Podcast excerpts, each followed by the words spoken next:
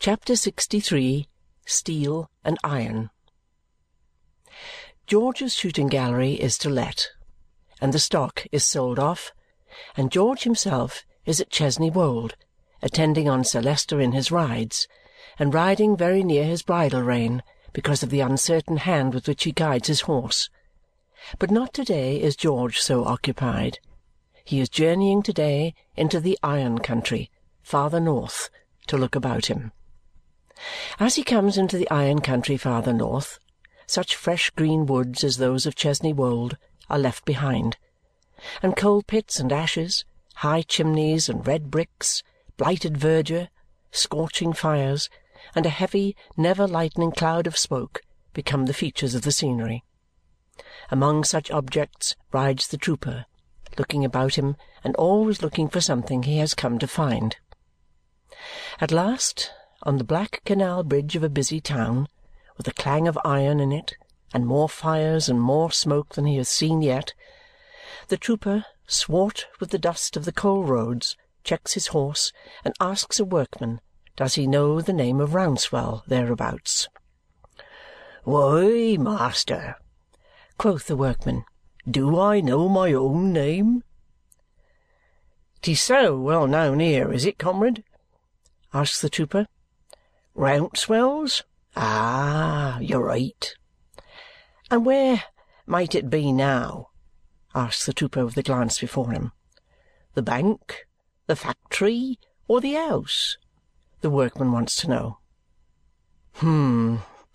Rouncewell's is so great, apparently, mutters the trooper, stroking his chin, that I have as good as half a mind to go back again. Why, I don't know which I want. Should should I find Mr. Rouncewell at the factory, do you think? "'Tain't easy to say where you'll find him at this time of the day. You might find either him or his son there, if he's in town, but his contracts take him away." And which is the factory? Why, he sees those chimneys, the tallest ones. Yes, he sees them.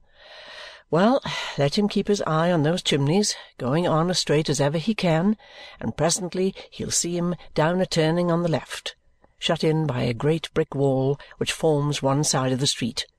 That's Rouncewell's. The trooper thanks his informant and rides slowly on, looking about him. He does not turn back, but puts up his horse, and is much disposed to groom him too, at a public house where some of Rouncewell's hands are dining, as the ostler tells him. Some of Rouncewell's hands have just knocked off for dinner time and seem to be invading the whole town. They are very sinewy and strong, are Rouncewell's hands, a little sooty too. He comes to a gateway in the brick wall, looks in, and sees a great perplexity of iron lying about in every stage and in a vast variety of shapes in bars, in wedges, in sheets, in tanks, in boilers, in axles, in wheels, in cogs, in cranks, in rails, twisted and wrenched into eccentric and perverse forms as separate parts of machinery, mountains of it broken up and rusty in its age, distant furnaces of it glowing and bubbling in its youth, bright fireworks of it showering about under the blows of the steam-hammer, red-hot iron, white-hot iron, cold black iron, an iron taste, an iron smell, and a babel of iron sounds. Mm, "This is a place to make a man's head ache too," says the trooper, looking about him for a counting-house. "Who's come here? This is very like me before I was set up. This ought to be my nephew if likenesses run in families." "Your servant, sir?" "Yours, sir. Are you looking for any one?" Excuse me. Young Mr. Rouncewell, I believe?" "Yes." "I was looking for your father, sir. I wish to have a word with him." The young man, telling him he is fortunate in his choice of time, for his father is there, leads the way to the office where he is to be found. Very like me before I was set up. Devilish like me, thinks the trooper as he follows. They come to a building in the yard with an office on an upper floor. At sight of the gentleman in the office, Mr. George turns very red. What name shall I say to my father? asks the young man. George, full of the idea of iron, in desperation answers, Steel, and is so presented. He is left alone with the gentleman in the office, who sits at a table with accounts books before him and some sheets of paper blotted with hosts of figures and drawings of cunning shapes. It is a bare office, with bare windows, looking on the iron view below. Tumbled together on the table are some pieces of iron, purposely broken to be tested at various periods of their service in various capacities. There is iron dust on everything, and the smoke is seen through the windows rolling heavily out of the tall chimneys to mingle with the smoke from a vaporous Babylon of other chimneys. "I am at your service, Mr. Steel," says the gentleman when his visitor has taken a rusty chair. "Well, Mr. Rouncewell," George replies, leaning forward with his left arm on his knee and his hat in his hand and very chary of meeting his brother's eye. I am not without my expectations that in the present visit I may prove to be more free than welcome.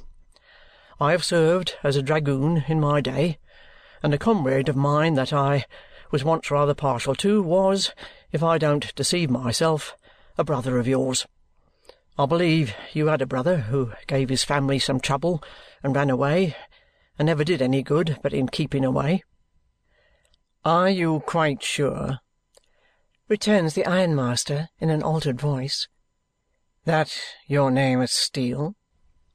The trooper falters and looks at him. His brother starts up, calls him by his name, and grasps him by both hands. You are too quick for me, cries the trooper with the tears springing out of his eyes. How do you do, my dear old fellow? I never could have thought you would have been half so glad to see me as all this. How do you do, my dear old fellow? How do you do?" They shake hands and embrace each other over and over again, the trooper still coupling his "How do you do, my dear old fellow?" with his protestation that he never thought his brother would have been half so glad to see him as all this. "So far from it he declares at the end of a full account of what has preceded his arrival there, "I had very little idea of making myself known. I thought, if you took by any means forgivingly to my name, I might gradually get myself up to the point of writing a letter. But I should not have been surprised, brother, if you had considered it anything but welcome news to hear of me. "We will show you at home what kind of news we think it, George," returns his brother. "This is a great day at home, and you could not have arrived, you bronzed old soldier, on a better.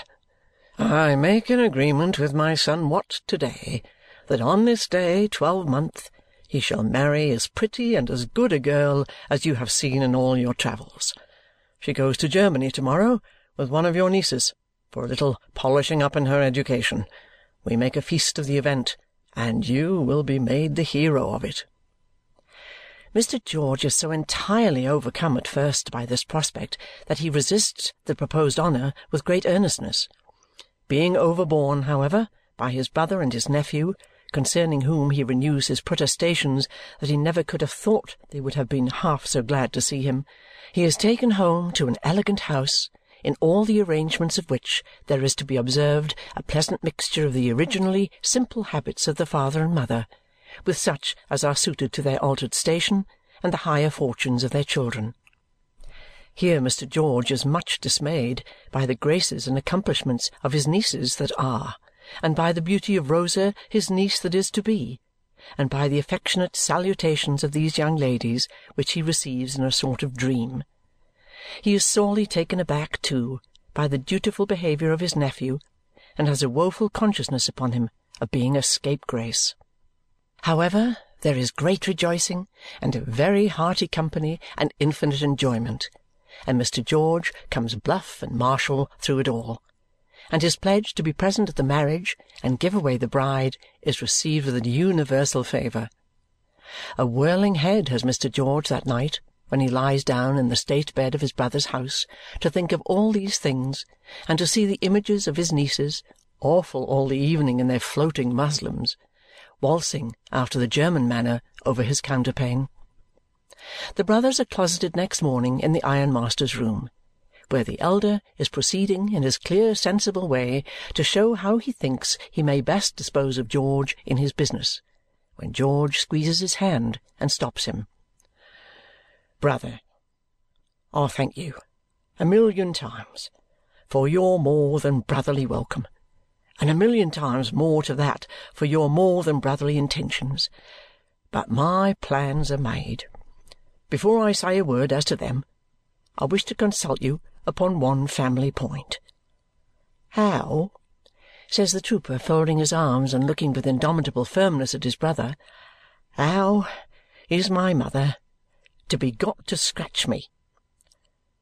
I am not sure that I understand you, George, replies the ironmaster. I say, brother, how is my mother to be got to scratch me? She must be got to do it somehow. Scratch you out of her will, I think you mean. Of course I do. In short, says the trooper, folding his arms more resolutely yet, I mean to scratch me. My dear George, returns his brother, is it so indispensable that you should undergo that process? Quite. Absolutely. I couldn't be guilty of the meanness of coming back without it. I should never be safe not to be off again. I have not sneaked home to rob your children, if not yourself, brother, of your rights. I, who forfeited mine long ago. If I am to remain, and hold up my head, I must be scratched. Come, you're a man of celebrated penetration and intelligence, and you can tell me how it's to be brought about. I can tell you, George, replies the ironmaster deliberately, how it is not to be brought about, which I hope may answer the purpose as well. Look at our mother. Think of her. Recall her emotion when she recovered you. Do you believe there is a consideration in the world that would induce her to take such a step against her favourite son? Do you believe there is any chance of her consent to balance against the outrage it would be to her, loving dear old lady, to propose it? If you do, you are wrong. No, George, you must make up your mind to remain unscratched, I think.